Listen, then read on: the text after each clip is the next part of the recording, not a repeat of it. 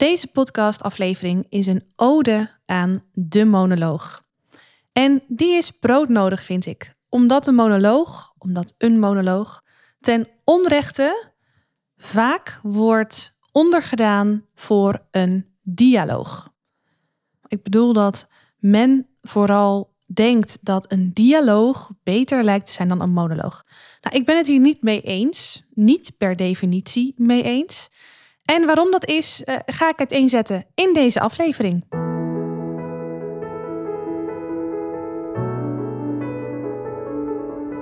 Mijn naam is Marije Wielenga. Is presenteren voor jou van essentieel belang om succesvol te zijn? Zakelijk, publiekelijk of persoonlijk? Dan is deze podcast Stralend Presenteren voor jou. Als Nederlands kampioen in speechen daag ik je uit om boven de saaie zakelijke presentatiestandaard uit te stijgen. En meer dan dat nog, om boven je eigen standaard uit te stijgen. Blijf luisteren om te leren hoe.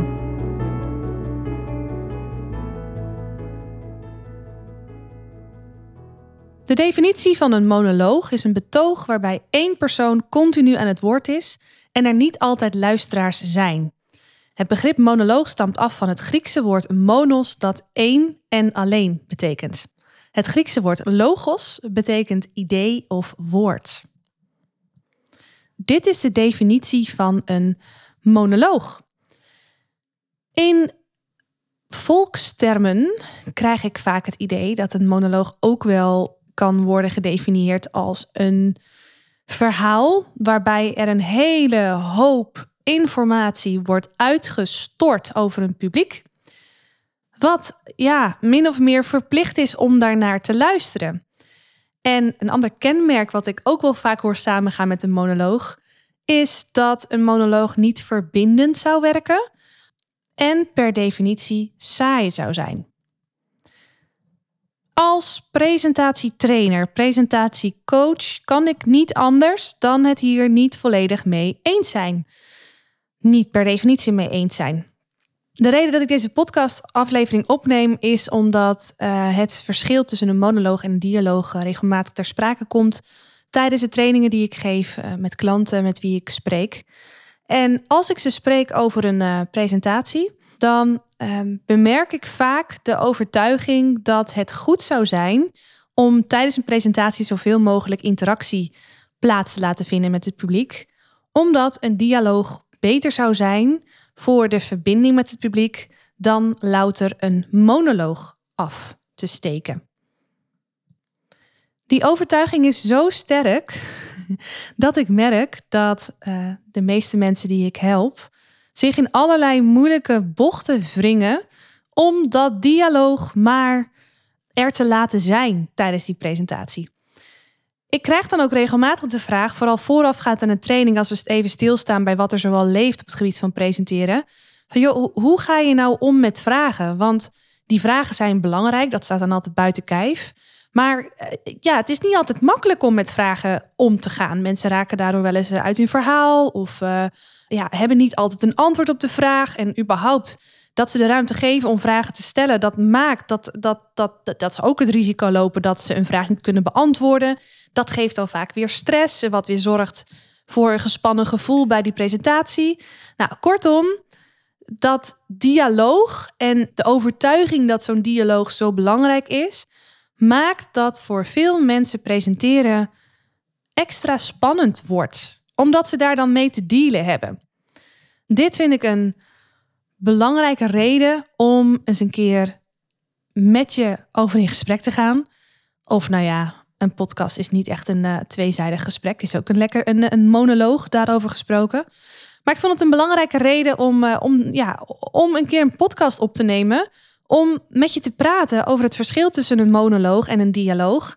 En of de overtuiging dat een dialoog verbindender zou zijn, klopt. Of dat een terechte overtuiging is om te hebben als je een presentatie geeft. En deze aflevering is vooral voor jou als jij je herkent in de overtuiging dat een dialoog belangrijk is en dat jij er wel eens mee worstelt om die dialoog op een manier plaats te laten vinden tijdens je presentatie, dat het voor jou toch gemakkelijk is om je boodschap eromheen te kunnen vertellen.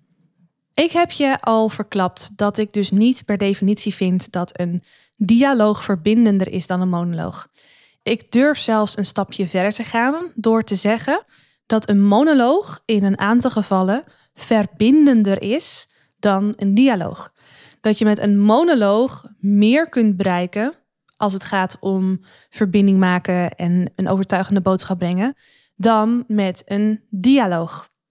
En ik wil je in deze podcastaflevering drie redenen geven waarom dat zo is. Allereerst ga ik er even van uit dat als jij een presentatie geeft, dat je van tevoren goed hebt nagedacht over wat je wil gaan vertellen in die presentatie. Natuurlijk over uh, uh, ja, wat, maar ook in welke volgorde je gaat vertellen wat je wil vertellen. Je hebt een gedegen voorbereiding getroffen. Nou, je gaat nou die presentatie geven. En op het moment dat je tijdens die presentatie de dialoog uh, laat staan boven het monoloog wat jij zo zorgvuldig hebt voorbereid, betekent dat dat jij gedurende de presentatie wellicht mensen de gelegenheid geeft om vragen te stellen. Nou, wat gebeurt er dan? Jij zit lekker in je verhaal, mensen steken een hand op of iemand steekt een hand op, stelt een vraag. En dan kan het zomaar zijn dat die vraag of uh, betrekking heeft op iets wat jij juist heel bewust hebt vermeden in je verhaal, omdat jij in je voorbereiding vond dat het niet ja, belangrijk genoeg was om het punt te kunnen maken waar je naartoe wilde werken in je presentatie. Nou, in dat geval is het vervelend dat die persoon het vraagt, want dan word jij, als je tenminste hierop wil antwoorden, genoodzaakt om buiten de banen te treden van het door jou zo zorgvuldig voorbereide verhaal. Waardoor het verhaal ook een hele andere wending kan krijgen en, en het misschien niet meer samenhangend wordt. En ja, nou ja, je voelt hem al. De verbinding met het, uh, met het publiek dus uh, onrecht wordt aangedaan. Maar het kan ook zijn dat de vraag die wordt gesteld gaat over iets wat wel aan bod komt in je presentatie, maar of al lang aan bod is geweest, of pas later in je presentatie aan bod komt. Waardoor het zo is dat als jij een antwoord geeft op die vraag in dat moment, dat je hele presentatie overhoop wordt gehaald. Want opeens klopt de volgorde niet meer die jij zo zorgvuldig had voorbereid. Nou, dit is dan ook het eerste argument waaruit blijkt dat een dialoog niet verbindender hoeft te zijn dan een monoloog. Want doe jij, eh, zoals ik dus nu net aangaf, ga jij een vraag beantwoorden eh, wanneer die wordt gesteld, dan loop je een heel groot risico dat je verhaal niet meer samenhangend is en dus niet meer verbindend werkt voor je publiek.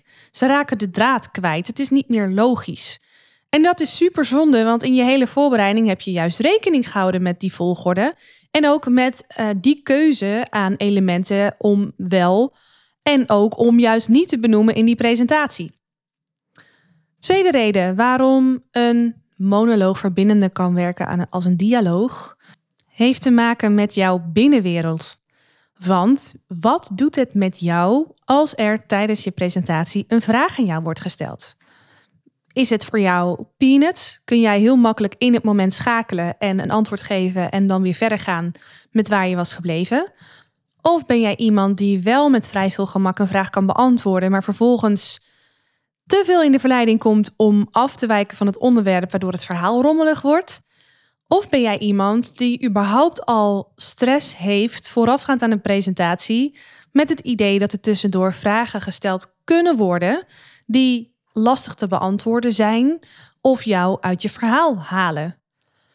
Wat voor persoon je ook bent, het is niet gek als je iemand bent die het moeilijk vindt om goed met vragen om te gaan. Om zich niet af te laten leiden van het grotere plaatje, van het grotere verhaal. Uh, ja, als er dus toch tussendoor een kleine onderbreking plaatsvindt door middel van een vraag die wordt gesteld. Ik vind het heel erg belangrijk dat je erkenning geeft aan jezelf en hoe jij hiermee omgaat. Je kunt wel van jezelf denken: een dialoog is belangrijk. Ik moet in staat zijn om een vraag te beantwoorden tijdens mijn presentatie. Maar als dat niet zo is, kun je het jezelf ook verschrikkelijk moeilijk maken om die presentatie te geven op die manier. Ik heb heel graag dat jij je bewust bent van uh, wat vragen met jou doen als spreker. En dat je afhankelijk van uh, een eerlijke kijk daarop een beslissing neemt over wat je met die vragen gaat doen. Want op het moment dat jij omwille van de dialoog vindt dat je een vraag moet beantwoorden, maar daardoor in de praktijk gewoon echt uit je verhaal raakt en hem misschien in het ergste geval ook niet meer op kan pakken, ja, dan werkt het beantwoorden van vragen tijdens je presentatie dus helemaal niet verbindend. En zorgt dat dialoog juist voor een grote interruptie in plaats van dat het daadwerkelijk bijdraagt tot een betere impact met je boodschap. Goed, wat je kunt doen is dus van tevoren goed stilstaan bij uh, ja, hoe jij omgaat met vragen, wat het met jou doet als er een vraag wordt gesteld. En afhankelijk daarvan bepaal jij de regels. Want jij bent gevraagd om die presentatie te geven of jij hebt jezelf dat podium gegund. En met dat er mensen naar jou luisteren, hebben ze jou indirect al toestemming gegeven om leiderschap te tonen, om een leidende rol aan te nemen. En die leidende rol geldt in meerdere opzichten, maar onder andere ook uh, als het gaat om het omgaan met vragen die wel of niet uh, worden gesteld, in ieder geval vragen die leven. Wat bedoel ik hiermee? Uh, nou, concreet. Stel dat jij juist heel makkelijk om kan gaan met vragen en ook nadat je een vraag beantwoord hebt, supersnel weer kan schakelen naar je verhaal en hoe je dat hebt voorbereid en opgebouwd ja, zal ik de laatste zijn die je verbiedt om, om een dialoog aan te gaan tijdens je verhaal? Maar de kans is groot dat dit niet zo is. En stel dat dit dus niet zo is in zo'n geval, dan kun je meerdere dingen doen. Of je uh, besluit dat mensen helemaal geen vragen mogen stellen tijdens je presentatie. En je kondigt uh, daarmee aan aan het begin van je presentatie van, goh, Ehm, kan zijn dat, uh, dat het verhaal vragen oproept. Heb je een vraag, bewaar hem dan nog even. Aan het einde van de presentatie is er ruimte om naar mij toe te komen. En dan uh, ben ik, uh, ja, beantwoord ik je vraag met heel, veel, met heel veel plezier. Dat kan.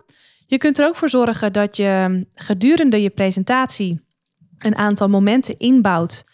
Waarbij je in die ruimte mensen de gelegenheid geeft om een vraag aan jou te stellen. Dat kan. Dan heb je dus eh, een, eh, een, een ehm, gecoördineerd uh, vragenstelmoment. Als je dit doet trouwens, is het wel van belang om ook hierin weer leiderschap te pakken. Want stel dat je een bepaalde presentatie geeft en er komen drie onderwerpen in te pas. En je hebt van tevoren aangekondigd dat er na ieder onderwerp gelegenheid is tot het stellen van vragen. En stel na dat eerste onderwerp wordt er een vraag gesteld en die vraag heeft geen betrekking op dat onderwerp. Ik hoop dat je me nog volgt dan is het van belang dat je ook dan je leiderschapsrol pakt door te zeggen van goh, interessante vraag, uh, fijn dat je hem stelt. Echter, hij past niet uh, in de ruimte die ik hiervoor heb gegeven. Het is geen vraag die betrekking heeft op, op het onderwerp wat ik net heb verteld. Dus bewaar hem even totdat het onderwerp voorbij is of is, is aan bod is gekomen. Of kom anders na de presentatie nog even naar me toe, dan beantwoord ik hem dan. Dus ook in die moment is het belangrijk om de leiding te pakken en je niet te laten leiden door de persoon die de vraag stelt. Omwille van toehoorder is koning. Want dat is dus niet zo. Jij bent de leider en jij beslist welke vraag en wanneer gesteld mag worden en beantwoord mag worden. Nog even over dat leiderschap gesproken. Stel nu dat jij hebt besloten dat je wel vragen wilt beantwoorden of gewoon lukraak gedurende de hele presentatie of op bepaalde gezette momenten. Dan is het van belang dat je ook je leiderschap pakt bij het bewaken van de tijd.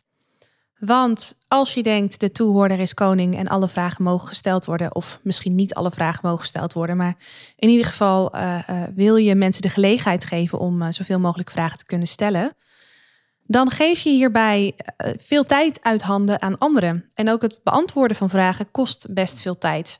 Dat onderschatten mensen altijd heel erg. Daar waar je van tevoren, als het goed is, goed hebt nagedacht over hoe lang je wil dat je presentatie ongeveer duurt. En misschien heb je al een voorzichtige marge voor uitloop of voor vragen aangehouden je wil die marge wel bewaken. Je wil niet dat je compleet uit de tijd loopt vanwege die dialoog die zo verschrikkelijk belangrijk zou zijn. Dus ook al geef je mensen de gelegenheid vragen te stellen, bewaak die tijd. En wat ik dan hoor is van ja, oké Marije, dat is wel leuk gezegd, maar in de praktijk is het echt super naar om mensen af te moeten breken of om mensen af te moeten wijzen. Uh, ja, snap ik. Um, iets wat je kan zeggen, wat je daarbij helpt, is bijvoorbeeld aan het begin van je presentatie van, uh, ja, als je dan toch aangeeft wanneer mensen hun vragen mogen stellen of mensen hun vragen mogen stellen, dan kun je ook andere spelregels meegeven over bijvoorbeeld die tijd. Waarbij je bijvoorbeeld aangeeft van, nou, ik heb uh, ongeveer zoveel minuten gereserveerd voor deze presentatie. Uh, dat betekent dat er ook ruimte is voor het stellen van vragen, maar die is niet eindeloos. Dus voel je vrij om je vraag te stellen, maar op het moment dat de tijd in gedrang komt, ja, zal ik sommige vragen onbeantwoord moeten laten voor nu. En dan kun je er eventueel nog bij vertellen hoe mensen op een later moment alsnog hun vraag kunnen stellen of kunnen mailen of iemand anders kunnen uh, aanschieten hiervoor. Maar leiderschap hierin pakken is, uh, is gewoon heel erg fijn. En dat geldt ook voor de momenten zelf. Als mensen een vraag stellen die, uh, die bijvoorbeeld helemaal niet to the point is ja, dan zul je op een gegeven moment mogen vragen van joh, zou je je vraag concreet kunnen formuleren? Het kan ook zijn dat iemand dus een vraag stelt die niet van toepassing is, of die jij heel bewust, het onderwerp waarover die vraag gaat, dat je die, dat onderwerp heel bewust niet hebt behandeld in je presentatie. Ook dan kun je die persoon onderbreken door te zeggen van goh, uh, interessante vraag. Um, ik heb overwogen om hier meer over te vertellen, maar toch heb ik besloten dat dit niet past binnen de tijd en binnen het doel uh, wat ik wil bereiken uh, met deze presentatie vandaag voor jullie. Um, dus graag, graag beantwoord ik je vraag achteraf. Of ga ik nu niet verder in op je vraag, maar kom ik daar één op één keer bij je op terug? Of nou, verzin het. Dus ook daarin, ga niet toehoorder is koning spelen. Ga gewoon aangeven waar het op staat. Dat is alleen maar fijn voor mensen dat ze weten waar ze aan toe zijn. Het kan dus ook zijn dat iemand een vraag stelt die pas veel later in je presentatie voorkomt. Kom dan ook niet in de verleiding door je hele presentatie weer overhoop te gooien. Want je hebt hem juist, als het goed is, zo gedegen voorbereid. In juist die volgorde met een hele goede reden. Geef dan ook gewoon aan van hé, goede vraag. Ja, uh, dit onderwerp komt later nog aan bod. Dus ik stel voor dat ik hem uh, nu onbeantwoord laat. Als het goed is, krijg je straks antwoord op de vraag. En als je vraag dan alsnog leeft, mag je hem uh, later nog een keer aan me stellen. Dat kan natuurlijk ook. Hoe je ook besluit om te gaan met vragen, afhankelijk van hoe jij je voelt wanneer er vragen gesteld worden. Ken jezelf, mensen? Ken jezelf? Zorg dat je je verantwoordelijkheid neemt als spreker door de leiding vast te houden, te nemen en vast te houden als je die presentatie geeft het kan misschien een beetje betuttelend voelen om iemand af te kappen, uh, een vraag onbeantwoord te laten, door te gaan, weet ik het wat. Maar het is altijd beter om de leiding te pakken en duidelijkheid te geven, dan dat jij je publiek, je toehoorders, jouw verhaal laat overroelen. Zij hebben jou het mandaat gegeven om daar te staan. Ofwel door je de vraag te stellen: uh, wil je hierover presenteren? ofwel er überhaupt als toehoorder naar je presentatie te komen luisteren. Daarmee geven ze aan van oké, kom maar met je verhaal, ik wil dit graag horen. Pak dan ook die leiderschapsrol. Je publiek wint er niks mee, je boodschap wint er niks mee als je die laat vallen omwille van de dialoog. Het slaat nergens op om de dialoog maar zo hoog in het vaandel te zetten als de boodschap zelf eraan onderdoor gaat. En als je publiek daardoor afhaakt en als je zelf je verhaal kwijt. Weet je, het, het is het niet waard. Ja, dialoog, hartstikke leuk als je een goed dialoog hebt. En hartstikke leuk als het iets toevoegt aan je verhaal. Maar ga die dialoog niet op een voetstuk plaatsen, omdat dat zoveel verbindender zou zijn dan een monoloog. Dat slaat werkelijk nergens op. En ik hoop dat je dat begint uh, in te zien op het moment dat je dit hoort. Mocht je dat nog niet eerder in hebben gezien. Um, maar goed, dit tweede argument dus, um, waarom een monoloog verbindender kan werken dan een dialoog, heeft er dus alles mee te maken dat de meeste mensen die ik, die ik hoor over hoe ze een dialoog inpassen in hun presentatie, dat ze het monoloog ten koste laten gaan van de dialoog. Dat ze de boodschap ondergeschikt maken aan het dialoog, omdat het dialoog zo goed zou zijn voor de verbinding met het publiek. Ja, nou, pas op het moment dat jij de leiding neemt, voor jezelf besluit dat een, uh, een vraag beantwoorden, stellen en beantwoorden voor jou oké is om te doen in een presentatie, dan wel lukraak, dan wel op een gezet moment. En als je ook de leiding heel goed neemt in het um, laten stellen van de vraag en het beantwoorden van de vragen, waarin je dus echt een aantal elementen goed in ogenschouw neemt. Waaronder dus is de vraag relevant nu op dit moment in de presentatie en is er ook tijd om deze te beantwoorden. Pas dan kan het zo zijn dat een dialoog verbindender werkt dan een monoloog.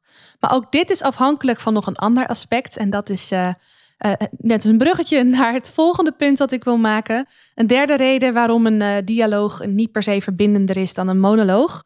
En dat is de reden dat als jouw publiek bestaat uit, uh, nou, laat ik zeggen, 30 man. En een van die 30 mensen heeft een vraag, steekt zijn hand op en is aan het woord. Als die vraag die wordt gesteld alleen van toepassing is op ofwel alleen die persoon die hem stelt, of misschien nog één of twee mensen extra, dan werkt het heel verbindend om hem te beantwoorden voor die persoon en voor al die andere personen die die vraag ook hebben, bij wie die vraag ook leeft. Maar werkt het totaal niet verbindend voor de mensen die ook in de zaal zitten, maar voor wie die vraag helemaal geen issue is of bij wie die vraag helemaal niet leeft. Snap je wat ik bedoel? Als je dus omwille van die dialoog en de verbinding met je publiek een vraag gaat beantwoorden, die alleen leeft bij een heel klein aantal mensen in de zaal aan jouw toehoorders, um, kan het juist afbreuk doen aan de verbinding met je publiek als geheel, in plaats van dat het beantwoorden van die vraag juist bijdraagt aan de verbinding. Dus ook al kom jij voor jezelf tot de conclusie dat het voor jou oké is als mensen vragen stellen, en ze stellen de vraag en je beantwoordt die, probeer dan ook echt die vraag in het perspectief te zien. Is die vraag ook echt relevant voor wellicht een groter gedeelte van dit publiek? Als het namelijk een hele specifieke vraag is, dan kun je er de klok op gelijk zetten dat dat niet het geval is en dat, die dus ook niet, uh, dat het dus ook niet wijs is om die vraag te beantwoorden. Ik ga even een, uh, een voorbeeld geven. En dat voorbeeld verzin ik ter plekke. Maar om even te illustreren wat ik, uh, wat ik bedoel, mocht dat nog een beetje vaag klinken. Stel, je bent gevraagd als, um, als sales manager om uh, in het bedrijf wat te vertellen over het, uh, over het salesproces, hoe jullie het als sales team aanpakken. En je geeft die presentatie aan, uh, nou, aan, het, aan het hele bedrijf, dus een marketingteam en aan een finance team en aan de directie en nou ja, gewoon het hele bedrijf. Dan uh, nou, ga ik vanuit dat je je boodschap goed hebt voorbereid. En, en stel nou dat je voor jezelf bedenkt van oké, weet je, ik kan best omgaan met het stellen van vragen. Vind het wel fijn als ze geclusterd worden, zodat ik niet, uh, niet van de hak op de tak alleen maar hoef te schakelen in mijn verhaal. Dus in mijn verhaal bied ik uh, twee keer de mogelijkheid om vragen te stellen. Waarbij ik ervan uitga dat iedere mogelijkheid die er is, dat ik dan maximaal vijf minuten ongeveer uittrek voor het stellen van vragen. Of dat ik maximaal twee vragen beantwoord in de tijd die ik geef voor het stellen van vragen. Tot zover prima, hè? want dan, uh, dan, uh, ja, dan neem je dus uh, je leiderschap op, pak je die rol op om bewust na te denken hoe je met vragen omgaat en waar je ze dan inzet in je presentatie. Nou, vervolgens wordt op een van die twee momenten steekt iemand zijn hand op. ja, ik heb een vraag. Zou je nog even kunnen vertellen hoe je dat hebt aangepakt bij de aanbesteding van dat en dat project. De aanbesteding waar we ons als bedrijf op hebben ingeschreven, waar jullie als salesteam zo druk mee bezig zijn geweest. Dan kan het zijn, hè? Ja, goed, dit is natuurlijk even hypothetisch allemaal. Maar stel dat het zo is dat die aanbesteding, dat dat een heel groot ding was, waar eigenlijk het hele bedrijf wel linksom of rechtsom op een eigen manier mee bezig is geweest ja, dan is het natuurlijk super slim om die vraag te beantwoorden. dat is juist verbindend. Dan heb je met elkaar over een, een, een, nou, een succes, of in ieder geval een gemeenschappelijk goed, waar je juist echt weer verbinding uh, mee maakt door daarover te vertellen. En hoe vooral hoe je dat hebt aangepakt. Maar het kan ook zijn dat deze vraag komt van iemand uh, die toevallig in dat salesteam zit en net even ziek is geweest en eigenlijk net even de update heeft gemist en dacht, weet je, ik ben hier nu toch, uh, mijn salesmanager is hier aan het woord. Hij heeft het over het salesproces. Hij kan vast wel even vertellen hoe dat is verlopen met die en die aanbesteding die ik uh, dus even niet heb van dichtbij heb meegemaakt. Ja, als dat zo is, dan is de kans groot dat, dat die vraag leeft bij die persoon. Maar ja, de rest van het salesteam weet hoe het is afgelopen, want die zijn allemaal betrokken geweest bij die aanbesteding, bij die inschrijving. Eh, de rest van het bedrijf heeft er wellicht helemaal, uh, weet er helemaal niks van af. Want het was uh, een van de zoveel aanbestedingen die wel eens worden gedaan. Die zijn misschien niet eens op de hoogte van de hoed en de rand van überhaupt de verschillende inschrijvingen die, die het bedrijf doet. Ja, als dat jouw inschatting is voor het beantwoorden van de vraag, voor die vraag zelf, en is het dus helemaal niet slim om hem te beantwoorden. Dus dan zou ik ook dan weer de leiderschapsrol pakken. Van goh, uh, goede vraag. Uh, hier hebben we inderdaad een uh, super succesvolle inschrijving voor gedaan. Ik noem maar wat. Um, maar omdat deze vraag, omdat het niet aannemelijk is dat deze vraag leest bij de rest van de mensen hier in de zaal, kom ik hier graag na de presentatie nog even bij je op terug. Of ik ga je uit, de, de uitkomst ervan mailen. Of nou ja, geef het een naam.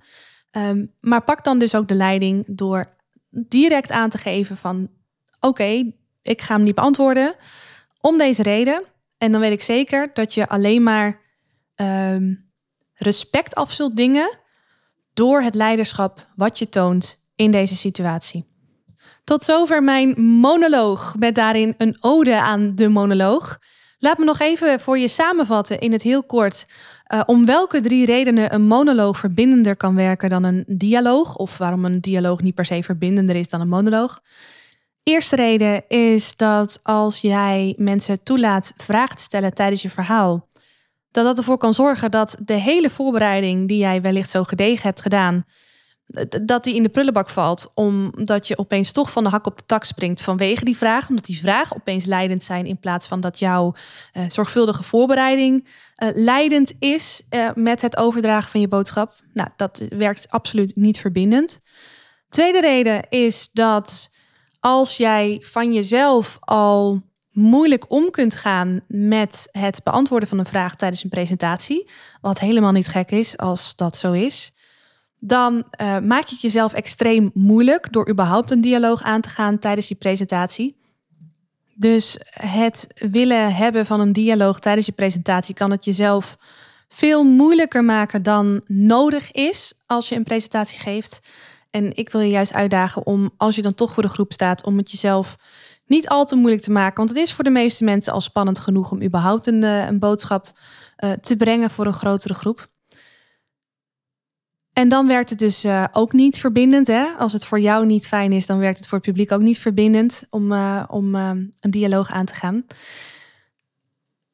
En de derde reden is dat als één vraag leeft bij één persoon of bij een select aantal personen in het publiek, maar niet bij het overgrote merendeel van het publiek, dan werkt het beantwoorden van die vraag voor die persoon of die paar personen wel verbindend, maar werkt het juist ontbindend werkt het juist averechts voor de rest van het publiek. Die denkt, ja hallo, die vraag is op mij helemaal niet van toepassing, helemaal niet interessant. Ik haak af. Ja, daar gaat je verbinding met je publiek. Dan was een monoloog toch verbindender geweest dan een uh, dialoog. Als je gewoon lekker bij je eigen verhaal was gebleven. Tot zover deze aflevering. Ik ben heel erg benieuwd of dat het je nieuwe inzichten heeft gebracht met betrekking tot een monoloog. Of dat je een monoloog nu wellicht ook beter kunt waarderen als je deze tekst en uitleg erbij hoort. Laat me even weten wat het met jou doet, wat de inzichten zijn die jij uh, hebt gehaald uit deze aflevering. Door me een berichtje te sturen, ofwel via LinkedIn, ofwel via Instagram, at Chief of Speeches. Ofwel door een eh, berichtje achter te laten via het contactformulier op mijn website. Vind ik ontzettend leuk om te lezen en om van jou te horen. Een hele fijne dag en tot de volgende aflevering. Is deze podcast waardevol voor je? Abonneer je dan op mijn kanaal om geen aflevering te hoeven missen. En als je dan toch bezig bent, geef je hem ook even 5 sterren via Apple Podcasts. Zou ik echt enorm waarderen. Dankjewel. Onthoud, je drinkt niet door met woorden, maar wel met het gevoel dat je de ander geeft. Tot de volgende aflevering. Doeg!